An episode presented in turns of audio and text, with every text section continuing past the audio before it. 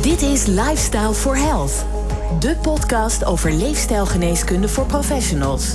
Luister naar de laatste wetenschappelijke inzichten, werkende interventies en verhalen uit de praktijk. Met experts en vakgenoten gericht op gezondheid, gezondheidszorg en wetenschap. Bewegen is een krachtig middel om de lichamelijke, mentale en sociale gezondheid te verbeteren. En er komt steeds meer aandacht voor de preventieve kracht van bewegen. Tot zover redelijk bekend terrein. Maar welke rol speelt bewegen in het ontstaan van ziekte en in de behandeling van fysieke en mentale ziekten? Steeds meer partijen slaan de brug tussen de werelden van sport en zorg. Hoe ga je hiermee om als zorgprofessional? Wat weten we al en wat moeten we nog onderzoeken?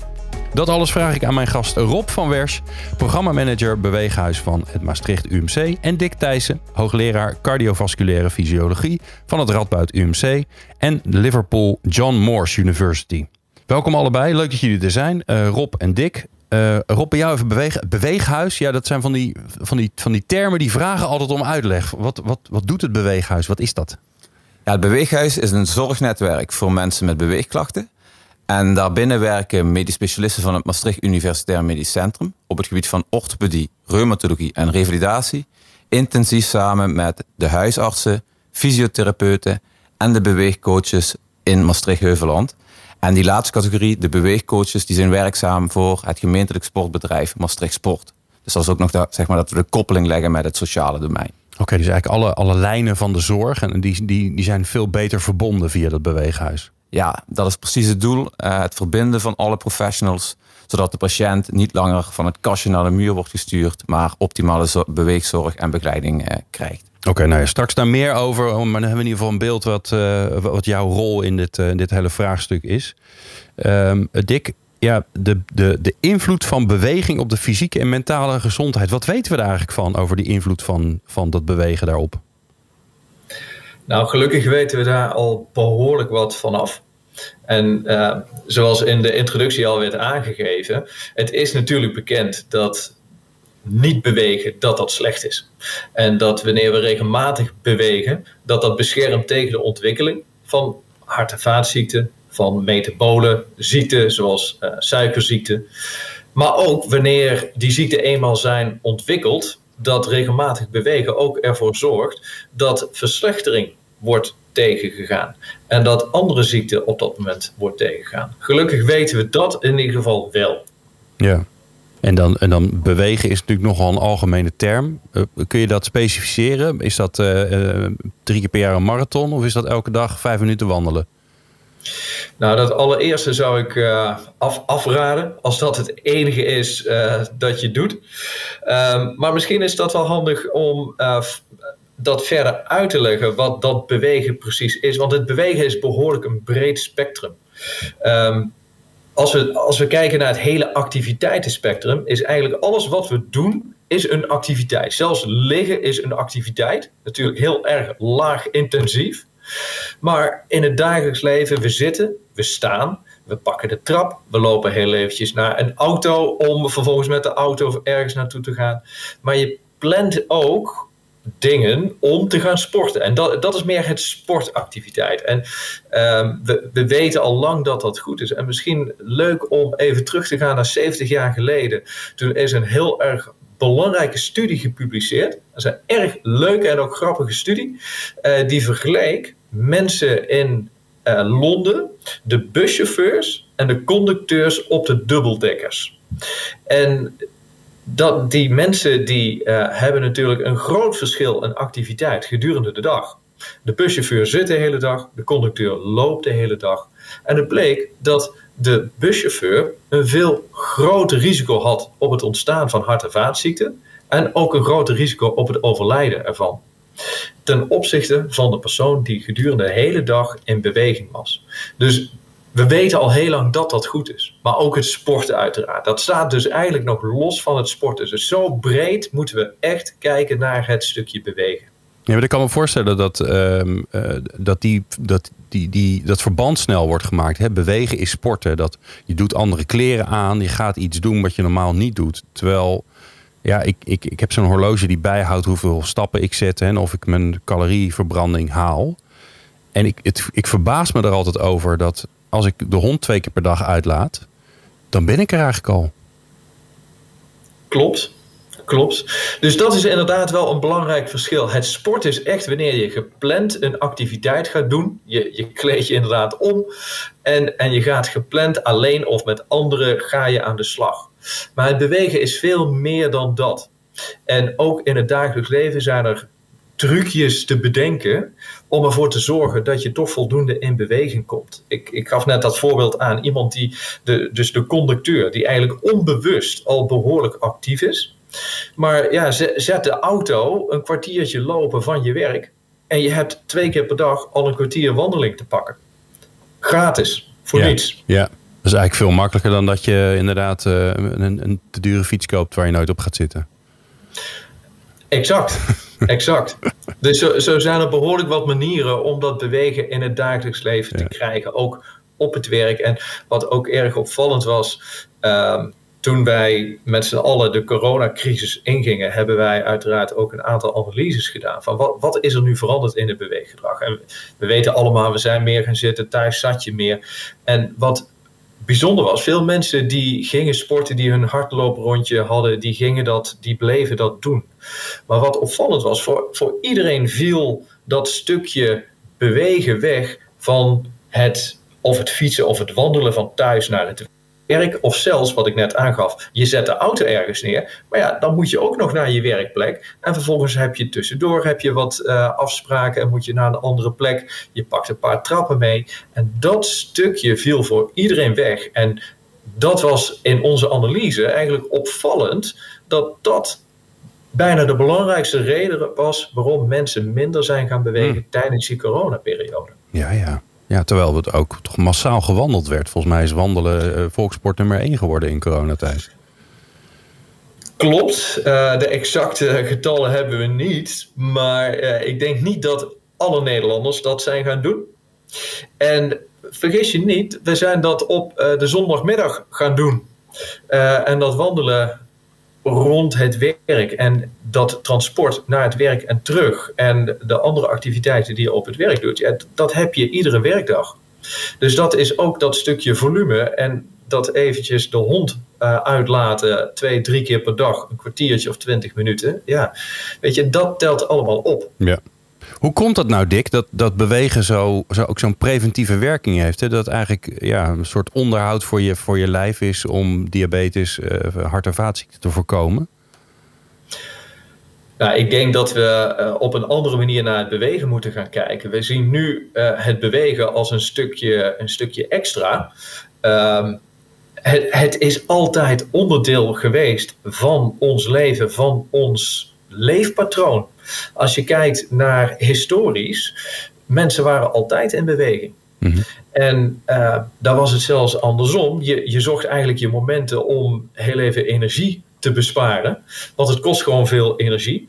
Maar uh, de jagers-verzamelaars waren veel in beweging aan het wandelen. Ja. En de afgelopen 150 jaar hebben heel veel machines activiteiten van ons overgenomen. En nu moeten we, nu moeten we andersom gaan denken. Eerst waren we op zoek naar momenten waarop we onze rust kunnen pakken. Nu zijn we op zoek naar momenten waarop we actief moeten zijn om gezond te blijven. Dus het bewegen is gewoon een vast onderdeel van ons lichaam. Wij moeten in beweging blijven. Dat zien we op zoveel manieren. Als je drie weken toevallig op bed moet liggen, door welke reden dan ook, je verliest gewoon 20% van je spiermassa. Je gaat 30% uh, eh, in je fitheid ga je omlaag.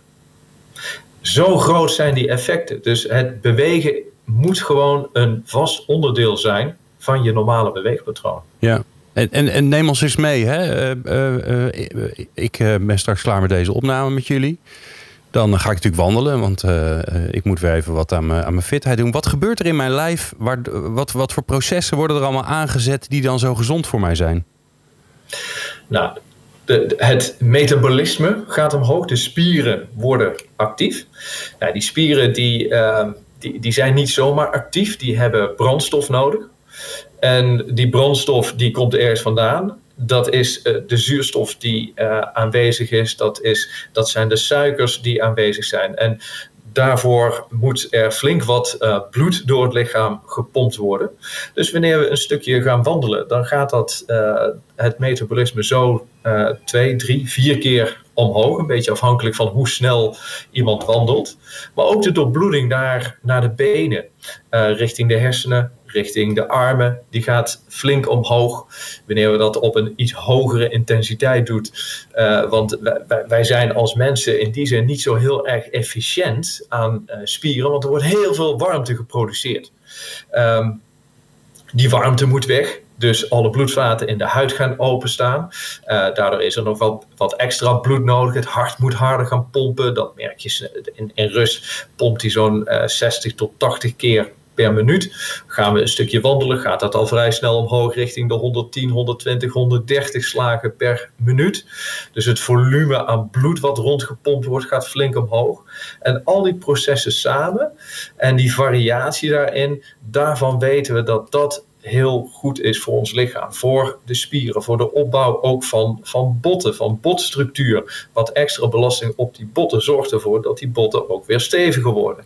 Dus dat zijn flink wat processen die allemaal tegelijkertijd in gang worden gezet door het bewegen, die uiteindelijk voor ons, als we dat maar regelmatig doen en veel variatie daarin hebben, dat dat bijdraagt aan die preventie. Ja, en wat doet het met de geest? Want dat is ook heel interessant natuurlijk.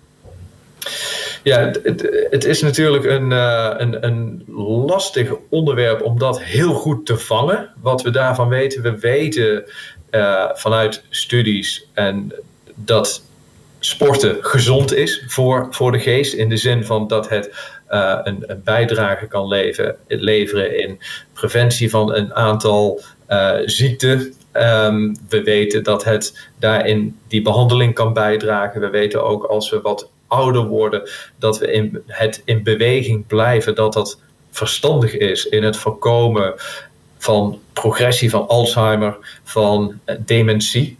Dus ook op dat niveau weten we dat dat uh, verstandig en gezond is. Hoe dat precies werkt is nog lastig. Hmm. Maar wat we daarin wel steeds terug blijven zien, in ieder geval in mijn vakgebied en ook de onderzoeken die wij doen, is dat de doorbloeding van de hersenen uh, toeneemt tijdens inspanning.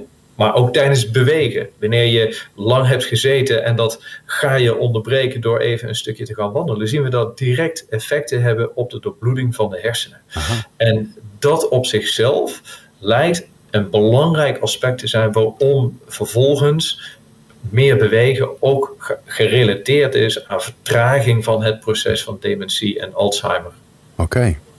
En het klinkt um, um, een beetje, maar je, moet maar even corrigeren als mijn uh, analogie niet klopt. Alsof bewegen ook een soort medicijn is, hè? Klopt. Um, ik, ik, denk dat het in een aantal gevallen zelfs nog uh, beter is dan een medicijn. als we kijken naar uh, medicijnen, dan, dan, dan zijn er heel veel bijwerkingen. ja, als je gaat sporten, ja, en je, je wordt warm. Uh, je gaat zweten. Maar ja, dat, dat is uh, in dit geval, dat zijn de bijwerkingen. Um, ja, maar daar hebben we een douche voor, dat scheelt. Exact, exact. Nee, dus inderdaad, wij, wij roepen inderdaad ook, eh, bewegen is een medicijn. En zou ook op die manier gezien moeten worden. En in een aantal gevallen zien we ook dat beweging misschien wel een beter medicijn is dan wat artsen op dit moment soms voorschrijven aan hun patiënt in de vroege fase van bepaalde ziekten, maar ook als het al een stukje verder is. En een, een, dan denk ik aan bijvoorbeeld mensen waarbij een vernauwing van een van de kransslagaders rond het hart is, als dat een uh, stabiele uh, vernauwing is. Dat wil zeggen dat uh, de, de verkalking die er zit, dat die, dat die niet zomaar losgaat en ergens, uh, dat er ergens anders een stukje in een bloedvat wordt afgesloten.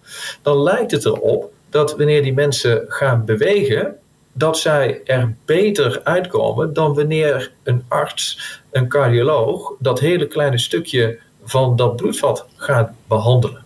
Ja, ja. En als je dat ook wat in breder perspectief zet, is dat wellicht ook wel te begrijpen. Want dat die kleine vernauwing op die plek staat niet op zichzelf. Er zijn ook andere stukken van het hele vaatstelsel wat niet goed in elkaar zit. En beweging zorgt voor een verbetering van alle bloedvaten in het lichaam. En zorgt voor veel meer dan alleen maar dat hele kleine stukje waar op dat moment een klein probleem zit. Ja, ja. Dus het, het, het klinkt alsof bewegen. En dan moeten we wel zeggen, volgens mij hè, niet, niet te intensief. Want topsporters lijken altijd heel gezond. Maar zo gezond is het volgens mij niet om nou heel erg intensief te sporten. Dus drie keer per jaar een marathon lopen lijkt me niet echt een aanrader. Maar, maar bewegen uh, volgens de richtlijnen die daarvoor zijn, zorgt er eigenlijk voor dat er, ja, dat, dat er tijdens het bewegen een soort onderhoud in je lichaam gedaan wordt. Zo klinkt het een beetje. Dat klopt. Dat klopt. Um, en, en zoals ik al aangaf, uh, ik denk dat we echt om moeten draaien. Het bewegen is altijd onderdeel geweest van ons functioneren. En dat hebben we eruit gehaald. En dat moet je nu inderdaad manieren verzinnen. Misschien dat we er dadelijk nog over uh, kunnen hebben hoe we dat moeten doen. Zeker. Maar je moet er op heel veel verschillende manieren, bewust en onbewust, moet dat bewegen terugkomen. Ja. Nou, sterker nog, de, Dick, je, you've read my mind, zoals dat zo mooi heet. Dat, dat gaan we ook doen, want we gaan nu naar... Uh, nou, bewegen is belangrijk. Uh, uh, en we, we, weten nu waarom bewegen ook belangrijk is. Eh, niet tot in detail, maar ja, daar kun je natuurlijk al hele mooie studies over, over gaan lezen. Ehm, maar de vraag is natuurlijk, hoe ehm, ja, welke rol spelen eigenlijk uh, zorgprofessionals daarin? De huisartsen, uh, fysiotherapeuten enzovoorts. Um, dus daar gaan we nu naartoe. En het leuke is, we hebben daar een, een LinkedIn-poll voor uh, uitgezet. En de, de vraag die we gesteld hebben aan de mensen op LinkedIn is... waar ligt de verantwoordelijkheid voor het in beweging komen? Nou, um, ik zal je niet vragen wat denken jullie, maar er waren vier opties. De patiënt, de arts, behandelaar, de overheid of het werk. En um, de patiënt vindt men op LinkedIn 78% is er verantwoordelijk voor. Wat vinden jullie daarvan, uh, Rob? Ja, ik denk de eindverantwoordelijkheid ligt natuurlijk bij de patiënt zelf. Maar als je kijkt naar ja, hoe kun je mensen faciliteren, uh, randvoorwaarden scheppen dat ze in beweging kunnen komen en blijven, dan is dat eigenlijk een gezamenlijke verantwoordelijkheid van allerlei partijen. Uh, zoals uh, de fysiotherapeut, de huisarts, de beweegcoach, de medisch professional. Dat kan ook zelfs eh, in een stukje onderwijsinstellingen zitten die kinderen goed instrueren over het belang van bewegen en hoe zij in beweging kunnen komen. Dus ik denk echt een gezamenlijke verantwoordelijkheid. Ja, Dick. De patiënt is eh, verantwoordelijk. Die moet het gewoon, eh, die moet het gewoon, die moet gewoon fixen zelf. Ja, de patiënt is uiteindelijk wel de persoon die het moet doen. Um, dus ik, ik kan me heel goed deze gedachte voorstellen. Maar het moet absoluut, zoals net werd gezegd, het, het is een gedeelde verantwoordelijkheid. Um, ik, ik, als we heel even het werk erbij pakken. Um, als ik het iets anders schets. We weten dat te veel zitten, dat dat ook onafhankelijk of je nu wel of niet sport. Je moet al één uur per dag sporten. Uh, wil je die effecten te niet doen. Dat betekent dat al onze werkgevers in Nederland, of wereldwijd, dat de werkgevers, de werknemers blootstellen aan een gevaarlijke stof. Ja, aan zitten. een gevaarlijke omstandigheid. En dat is zitten. Ja. Is het dan nog steeds de verantwoordelijkheid van de patiënt? En, en, en nog heel even, dat doen ze dus niet heel eventjes, dat doen ze misschien wel 40 jaar lang. Ja. Is het dan nog steeds alleen maar de verantwoordelijkheid van de patiënt? Ja, ja dat vind ik wel een interessante, Rob. Hoe zie jij dat? Want wat ik ondertussen geleerd heb van met heel veel mensen in de studio praten over het gedrag van mensen, is dat eigenlijk de omgeving waarin je je bevindt, je daar heel sturend in kan zijn. Ja, zeker. Um, ja, zoals zeg, de effectiviteit, de van bewegen, dat staat echt buiten kijf. Maar uh, ja, hoe zorg je er nu voor dat iedereen in beweging komt en blijft? En ja, daar wordt ook onderzoek naar gedaan van hoe motiveer je nu mensen om in beweging te komen en te blijven. En dat is onder andere onderzoek van uh, Stef Kremers van het Maastricht Universitair Medisch Centrum.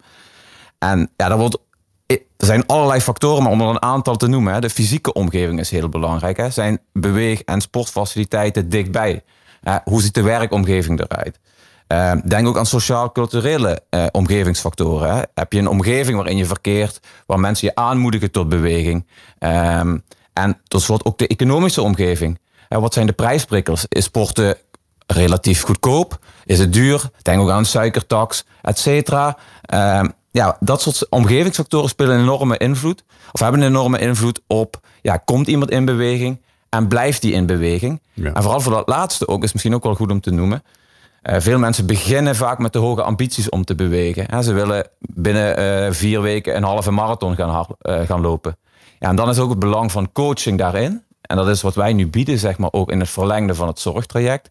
Ja, kan daarbij ontzettend helpen om mensen ook gemotiveerd te houden uh, om te blijven bewegen. Door net ervoor te zorgen dat mensen niet te ambitieus zijn en de juiste stapjes stap voor stap zetten. Ja, ja je, vaak begint het hele traject natuurlijk bij, bij, bij de eerste lijn zorgen, dus bij een, een huisarts. Wanneer, um, uh, wanneer moet zo'n huisarts eigenlijk overgaan tot hey, wacht eens even, bewegen zou hier wel eigenlijk een goede oplossing kunnen zijn voor het vraagstuk waar iemand mee zit? Ja, de huisarts ja, kijkt dan denk ik naar de patiënt. We hebben een huisarts die heel erg intensief betrokken is bij ons uh, netwerk. En die zegt altijd, ja, ik schrijf geen pillen maar voor, maar bewegen. Um, ik denk dat daar uh, in principe nog niet hele sterk protocolontwikkeling is voor wanneer zet je iemand aan tot beweging. En dat het wel een gesprek is in de, in de spreekkamer van moet de huisarts. Dat, moet dat gebeuren, vind je? Zou dat eigenlijk moeten zijn? Want dat heb je natuurlijk wel. Hè, wanneer schrijf je A, B of C voor? Maar zou je dan ook gewoon niet een protocol moeten hebben, protocollen moeten hebben dat je zegt, nou in dit geval is bewegen gewoon heel erg uh, nuttig en is eigenlijk misschien wel het belangrijkste medicijn. Ja, en ik denk dat we daarin veel specifieker moeten gaan zijn. Hè. Dus nu is vaak het advies in, een, in, een, in de richtlijn van... Ja, geef aan dat de patiënt in beweging moet blijven. Maar wat betekent dat dan voor die individuele ja, daar kan je niet zoveel mee. Nee, ja, is dat uh, uurtje per dag lopen? Is, dat, is het prima dat iemand uh, fietstochten gaat maken van 150 kilometer? Noem maar op. En dus nu is het echt ja, een algemene richtlijn. Ga, blijf in beweging. Maar ik denk dat het heel interessant is om onderzoek te doen van welke type beweeginterventie is nu effectief voor welke type patiënt. En dat is natuurlijk leeftijdsafhankelijk bijvoorbeeld. En dan geef je een ander, zou je een ander beweegadvies moeten geven dan iemand die 18 jaar is en nog volop uh, sportief actief is. Ja. Ja, en wanneer is het misschien ook een beetje te veel? Dat zou je zelfs ook nog af kunnen vragen. Ja, Dick, hoe zie jij dat? Wanneer, wanneer moet een arts, een huisarts, eh, die toch als eerste het dichtstbest bij, uh, bij, bij de burger staat, wanneer moet hij overgaan tot een, tot een advies op dit gebied? Ja, ik, ik denk uh, vanaf het, aller, het allereerste beginpunt. Um, de, er zijn zelfs mensen die, um, en, en, daar kan ik me wel enigszins in, in, in, meegaan, die zeggen dat vanaf het moment van conceptie um, moet leefstijl en beweging een rol spelen. Hmm. Dus het, het begint echt al heel vroeg. En ik, ik wil daar wel even direct even uh, mijn zorg een beetje uitspreken richting de huisartsen. Ze stonden laatst ook op het uh, Malieveld, uh, volgens mij. Um, ik, ik, de, de huisarts is een heel erg logische plek om dit te laten starten. Maar ja, de huisarts heeft uiteindelijk een, een, slechts een paar minuten met de patiënt. En daarin moeten ze dan ook nog dit stukje uh, erbij betrekken. Dus het is, het is lastig, maar het, het is wel een logisch startpunt. En het kan ook via de praktijkondersteuners en uh, via andere zorgprofessionals, die daar een belangrijke rol in spelen om dit zo vroeg mogelijk op de kaart te zetten. Het werd net ook, de scholen werden benoemd. Ook dat zijn hele logische uh, infrastructuuraspecten of momenten waarop dit ter sprake moet komen. Over wat een gezonde leefstijl is, wat is bewegen, wat is voldoende bewegen. Rob, want jullie doen dat natuurlijk. Hè? Jullie werken samen met de huisarts, eigenlijk met de hele keten, uh, die geen keten meer is. Dat zou ik mm wel eigenlijk wel durven zeggen bij jullie. Uh, dus het is niet meer uh, eerst de huisarts en dan dit en dan dat. Maar jullie werken met elkaar samen. Hoe hebben jullie dat opgelost? Ja, dat is wat ik aan alles ja, een belangrijk punt. Hè. De huisarts heeft beperkte tijd. Hetzelfde geldt voor de medisch specialist. Die ziet ook patiënten die baat zouden kunnen hebben bij meer bewegen. Ja, en dan moet je dus, die, je kan niet van de specialist verlangen dat hij een 15 minuten gesprek gaat hebben met de, met de patiënt over ja, het concrete beweegadvies. Dus wat wij hebben uh, ingericht is dat de, zowel de medisch specialisten als ook de fysiotherapeuten die zijn aangesloten bij ons netwerk, als een beperkt aantal huisartsen de mogelijkheid hebben om patiënten door te verwijzen naar een beweegcoach voor een uitgebreide intake. Dan doen ze fysieke testen, krachttesten, uh, kleine wandeltesten. En help me even, be beweegcoach is niet een fysiotherapeut? Nee, dat is geen fysiotherapeut. Dat is een, uh, ja, iemand, meestal met een achtergrond HBO sportgeneeskunde of sportkunde. En zij uh, ja, coachen echt patiënten gedurende een jaar op weg naar een duurzaam actieve leefstijl. Oké, een jaar. Dus- lang. Ja, ja. Ja. Oké, wauw. Ja, dus in het begin... En hoe vaak zien ze die patiënten dan? Eh, ze hebben een intake. Dus dat is, eh, dat is meteen bij het begin natuurlijk. Dan hebben ze een 12 weken programma waarbij ze wekelijks de patiënt coachen. Dan is na 12 weken worden ook alle fysieke testen en eh, herhaald. Er worden vragenlijsten opnieuw gesteld. En dan wordt ook gekeken of de patiënt eh, ja, kan gaan deelnemen aan het reguliere beweegaanbod. En dan wordt geleidelijk gedurende het eerste En, jaar... en de reguliere aan beweegaanbod is Dat zijn- sportschool. Dat eh, kan een of, wandelvereniging zijn, ja, ja. eh, aerobics, dat kan van alles en nog wat Ja. zijn. Maar de coaching die blijft overeind. Ja, ja. Afhankelijk ook van de. Ja, het wordt ingespeeld op de wensen van de individuele patiënt. Dus waar hij of zij ook plezier aan beleeft, dat zijn sportactiviteiten die geselecteerd worden. En dan is eigenlijk na die twaalf weken, dan wordt eigenlijk op basis van ja, ook de, de noodzaak, wordt gekeken van nou, is nog hele intensieve begeleiding nodig? Of kan dat langzaam worden afgebouwd gedurende dat jaar? Ja. Maar in principe blijft de beweegcoach in contact met de, ja, de deelnemer om te kijken, bevalt het nog steeds? Eh, zijn er eventueel klachten en moeten we eventueel weer contact zoeken met een fysiotherapeut of de medisch specialist als er iets aan de hand is? Nou, dat zijn precies de gesprekken die eh, gevoerd worden door de, eh, door de beweegcoach. En dat is in het tweede stadium is dat vooral telefonisch. En wat is dan de rol van de, van de zorgprofessional die het eerste contact heeft? Hè? Bijvoorbeeld de huisarts. Wa- Wat, hoe kan die dan helpen om dit in beweging te zetten? Ehm, ja, de huisarts kan op dit moment. We hebben nu, eh, om eh, duidelijk te zijn, we hebben op dit moment hebben we het zo ingericht dat medisch specialisten kunnen doorverwijzen en fysiotherapeuten die zijn aangesloten bij ons netwerken. De huisartsen is geldt voor een gelimiteerde set van of eh, een gelimiteerd aantal huisartsen dat zij die rechtstreekse verwijsoptie hebben. Ja, de reden waarom we niet in één keer voor alle huisartsen hebben opengesteld is gewoon een capaciteitsvraagstuk natuurlijk. Ja. Want je krijgt natuurlijk heel wat huisartsen en in potentie een enorme groep aan patiënten die hier voor een aanmerking kan komen. Wij hebben er nu voor gekozen om in eerste instantie dit open te stellen voor de patiënten die naar het ziekenhuis worden verwezen omdat ze vrij, ja, we- wellicht wel wat erger, een ergere vorm van beweegklachten hebben en daardoor ook meer baat bij beweegcoaching zouden kunnen hebben. Maar wat zij kunnen doen is gewoon het gesprek voeren ehm, met de patiënt van oké, ik denk dat u baat hebt bij, beweeg, bij beweegcoaching. Sta je daarvoor open? En dan vervolgens hebben ze ook een, ja, wat informatie die ze delen over hoe dat beweegprogramma daar ruwweg uitziet. Maar vervolgens is er- een doorverwijzing naar de beweegcoach. En ehm, die afspraak kunnen ze ook meteen maken bij ons, zeg maar, mensen die in het ziekenhuis komen. Eh, of in het, op de stadspolie beter gezegd komen voor een contact met de medisch specialist. Die kunnen meteen na afloop van het consult een afspraak plannen bij de balie voor een intake van, Oh, van de beweegcoach. En die beweegcoach komt de week daarna naar de stadspolie toe om ook die intake te doen. Dus het is eigenlijk Ja. heel laagdrempelig. De patiënt hoeft niet te bellen met de beweegcoach.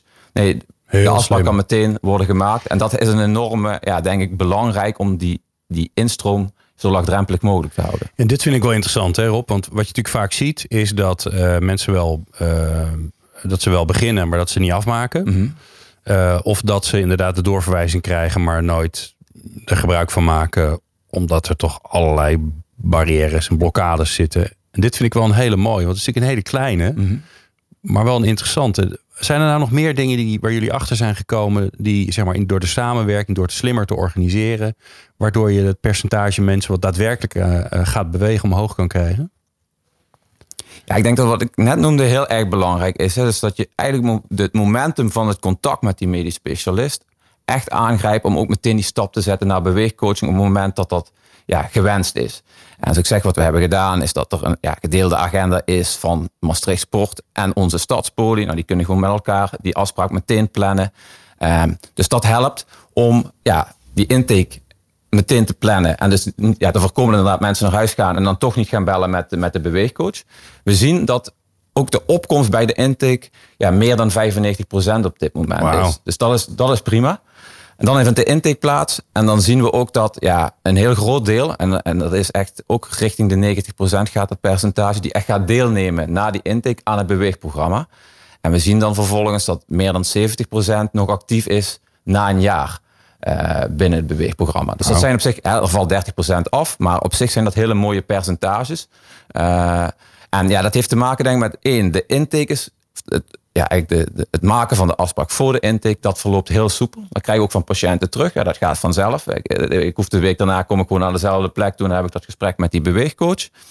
En vervolgens zie je dat ja, de beweegcoaches ervaring hebben in hoe ze zo'n ja, gesprek voeren. Ze starten ook allemaal. En vervolgens is het door die begeleiding, die wekelijkse begeleiding, dat, me, ja, dat, dat patiënten toch heel snel uh, ja, uh, ja, ervoor kiezen om door te blijven gaan uh, met, met het beweegtraject. En op die manier echt tot een duurzaam actieve leefstijl ja, komen. Ja.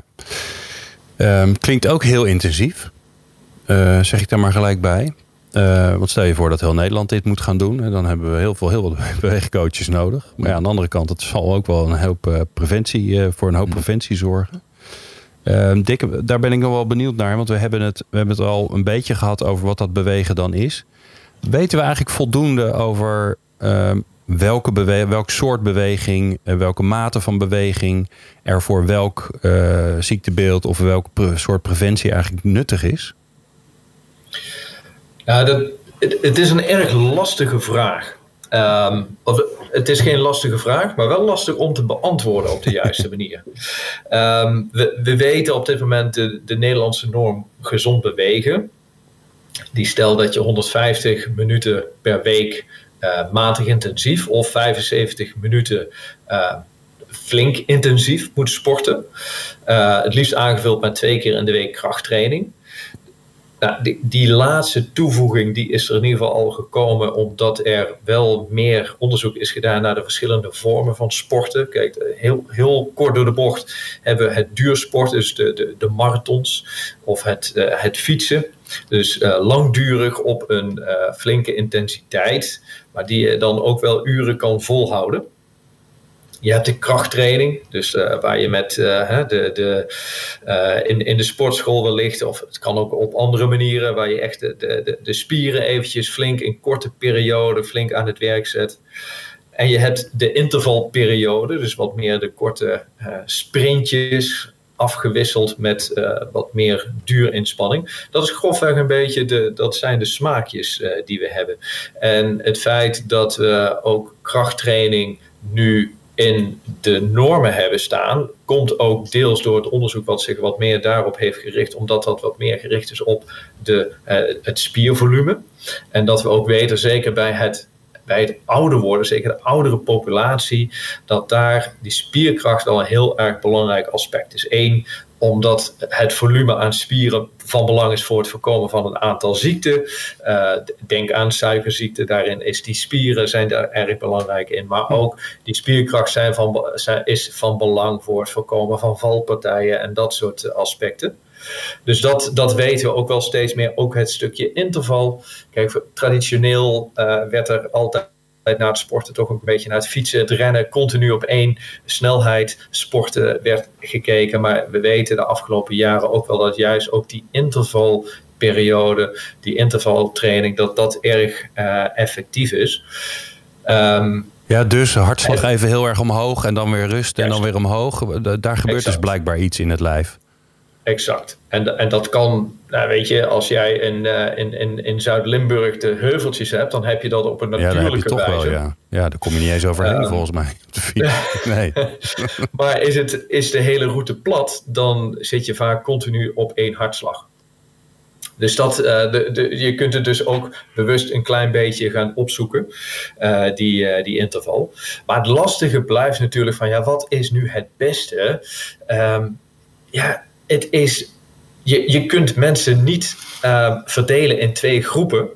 En uh, zeggen tegen ze van nou, en vanaf nu, de rest van je leven mag je alleen nog maar dit type ja, inspanning uitvoeren. Uh, of je mag helemaal geen inspanning uitvoeren. Dus wat nu precies het. Ja, dat, dat, is, uh, dat is wat lastig uit te voeren. Maar er zijn natuurlijk alternatieven. En ik gaf daar net wel een klein beetje de richting van aan. Wat afgelopen jaren toch wat uh, duidelijk is geworden van de verschillende uh, type sporten. Wat er mogelijk is, wat daar de effecten van zijn. Ja. Rob, wat zou jij nog willen weten? Dus met welke onderzoeksvraag zit je nog in je hoofd? Ja, we hebben tal van onderzoeksvragen nog op het gebied van uh, bewegen. En ook eigenlijk op het verlenen van, ja, wat is nu goede beweegzorg en begeleiding? Kijk, als je traditioneel kijkt naar het onderzoek dat typisch plaatsvindt binnen de muren van een ziekenhuis, dan gaat het over, ja, is ingreep A effectiever dan ingreep B? Uh, maar wat eigenlijk interessant is om te weten is, is nu een ingreep het meest verstandig om te doen? is het een fysiotherapeutische behandeling? Is die effectief? Kan die eigenlijk een operatie zelfs voorkomen? Of is een beweegcoachingstraject effectief? En ja, we weten dat eigenlijk nog niet. En wij hebben nu, denk ik, ja, op zich een hele mooie samenwerking met al die partners. We maken nu afspraken over welke uitkomsten we met z'n allen willen meten. En dat meten we ook op iedere plek hetzelfde. En op die manier kunnen we over een, ja, dat gaat, ja, we moeten nog een tijdje meten natuurlijk, maar over een, ja, een aantal jaren kunnen wij hele mooie uitspraken gaan doen over welke type zorg, begeleiding het meest effectief is. En dat is, ook, ja, dat is denk ik een hele interessante onderzoeksrichting om echt te gaan kijken van wat werkt nu uh, voor welk type patiënt. En ja, ik denk dat dat een enorm interessant onderzoek is uh, voor de toekomst. Mooi. Dick, wat, uh, wat, wat voor onderzoeksvraag heb jij nog waar je graag mee aan de slag zou willen? Nou, behalve dat ik mij heel eventjes aansluit bij wat net is gezegd. Ja inspanning versus ingreep. Ik denk dat dat heel belangrijk is, omdat nu de eerste insteek is een, een ingreep. Medicatie geven of een operatie. Um, ik, ik heb twee, twee belangrijke vragen. Um, waarom werkt het en hoe snel werkt het? Dat, dat, die eerste vraag van waarom werkt het? Hoe kan het zijn dat beweging beschermt tegen hart- en vaatziekten? En de reden maar, daarvoor. Maar eigenlijk zeg je dat weten we dus eigenlijk nog niet precies. Nee, nee. En er zit eigenlijk een, een stukje achter, uh, deels interesse. Ik, ik wil het weten, van, hoe, hoe zit dat dan? Maar er zit ook een stukje richting bijvoorbeeld een huisarts of een arts rond verwachtingsmanagement. Als we nu heel even het voorbeeld nemen van een vier maanden durende training. Nu heb ik heel even een, een, een, een vraag aan jou. Hoeveel val je nu af na drie à vier maanden sporten? Doe eens een gokje. Nou, mijn inschatting is als ik hetzelfde blijf eten wat ik eet, uh, dat het niet heel veel zou zijn. Ik denk na vier maanden 4 kilo. Maar dat is schade en schande, kan ik je zeggen hoor. Ja, ja. nou dan, uh, dan, dan, schat je hem heel positief in. Ook al, al, zelfs nog wat conservatiever dan heel veel anderen. Als we kijken naar studies uh, waarin mensen inderdaad proberen net zoveel te blijven eten, Vaak lukt dat niet helemaal. En dan val je uiteindelijk 1, maximaal 2 kilo af. Oh wauw, nog minder. Jeetje. Het bloeddruk, zelfde vraag. Hoeveel millimeter kwik gaat de bloeddruk omlaag na drie à vier maanden sporten? Mag ik een percentage geven? Want ik heb geen idee wat mijn bloeddruk is überhaupt. Oké, okay, oké. Okay. Ik zeg nou, ja. na vier maanden uh, 10 ja, nou, een, een normale bloeddruk uh, van een gezond iemand is 120 over 80. Nou, stel die is iets verhoogd, uh, die is 140 over 85. Nou, als we die van uh, 140 naar 138 krijgen, ja, dat is wat je ongeveer kunt verwachten. Wow. En van die 85 naar 83, dat is ongeveer wat je kan verwachten. Ja, ja. Maar, maar, heel belangrijk, na die drie, vier maanden is het risico op hart- en vaatziekten wel zo'n 30 tot 40 procent lager. En dat krijg je met medicatie Zo. niet voor elkaar. Dus waarom werkt het? En als we ja. dat snappen, kijk, het is één verwachtingsmanagement. Verwacht geen wonderen op iemand gaat sporten om af te vallen. Ja, ho, wacht, dan, dan moeten er ook andere dingen gebeuren. Je, je valt misschien een klein beetje af, maar wat er wel gebeurt, is je maakt meer bloed aan. Dus je hebt een groter volume aan bloed wat je hebt. Mhm. Je maakt spieren aan. Dat zie je ook terug op een weegschaal. Dus daarom is het belangrijk om te snappen wat er precies gebeurt. Wat het, wat het sporten doet, dat dat beschermt tegen hart- en vaatziekten. En dan kunnen we, als we ons medicijn snappen, kunnen we het ook veel beter en gerichter inzetten. Mooi. Nou, er is nog, uh, er is nog voldoende om het te onderzoeken in ieder geval. Ja, ja. En, en als, als ik daar nog heel kort. Ja. Van, het, het anders, wat, wat ik daar ook belangrijk, uh, wat, wat ik interessant vind, is van hoe snel werkt het dan? Want wat wij nu zien, is dat inspanning wordt traditioneel ook gezien van ah, je moet maanden trainen voordat je effecten ziet. Ja, misschien op een aantal aspecten. Maar we zien na een aantal weken al dat de kwaliteit van de bloedwater verbetert. En we hebben nu zelfs een aantal studies uitgevoerd. En dat wordt ook ondersteund door studies in het lab bij muizen en ratten. Dat gezonde mensen al na de allereerste keer sporten al bescherming hebben tegen de ernst van een infarct. Dus het werkt gewoon direct. En dat geeft ook een heel ander beeld. En ook weer door het begrijpen hiervan kunnen we het ook anders inzetten. En misschien wel veel eerder inzetten dan dat we op dit moment doen. Ja, dat kan ik me goed voorstellen. Want als jij inderdaad dan al die waarden ziet. Het effect uh, op, op korte termijn, vier maanden, is niet zo heel groot. Maar je ziet eigenlijk aan het risicoprofiel dat het effect wel heel groot is. Ja, dan, dan is er iets anders aan de gang wat we dus nog niet weten. En Rob, jij wilde nog wat toevoegen? Ja, ik denk qua onderzoek is ook nog een hele interessante richting van hoe krijg je nu mensen optimaal gemotiveerd om in beweging te komen en te blijven. En ja, een interessante richting is ook om te kijken naar wearables, apps die kunnen stimuleren. Een collega-onderzoeker van mij in de TU Eindhoven, Pieter van Gorp, doet uitgebreid onderzoek daarna van hoe geef je nu een app zodanig vorm dat, dat het werkelijk aanzet tot motivatie. En daarbij betrekt hij bijvoorbeeld het spelvormen, health gaming. Waarbij je kijkt van hoe kan ik iemand laten concurreren in teams ten opzichte van andere teams. Dat kan binnen bij de werkgever zijn, dat kan in de meer sociale omgeving van een gemeente zijn. En ja, dat zijn denk ik ook hele interessante richtingen om te onderzoeken van hoe motiveer je nu iedereen om in beweging te komen en te blijven. Want ik denk dat het beweging aan zich, het staat buiten kijf, dat dat effectief is. Uh, dank jullie wel beiden, Rob van Wersch van het Beweeghuis Maastricht UMC en Dick Thijssen van de Radbouw UMC. En jij dankjewel voor het luisteren. Dit was Lifestyle for Health. Wil je meer informatie? Of wil jij onderdeel worden van de Lifestyle for Health community? Ga dan naar lifestyleforhealth.nl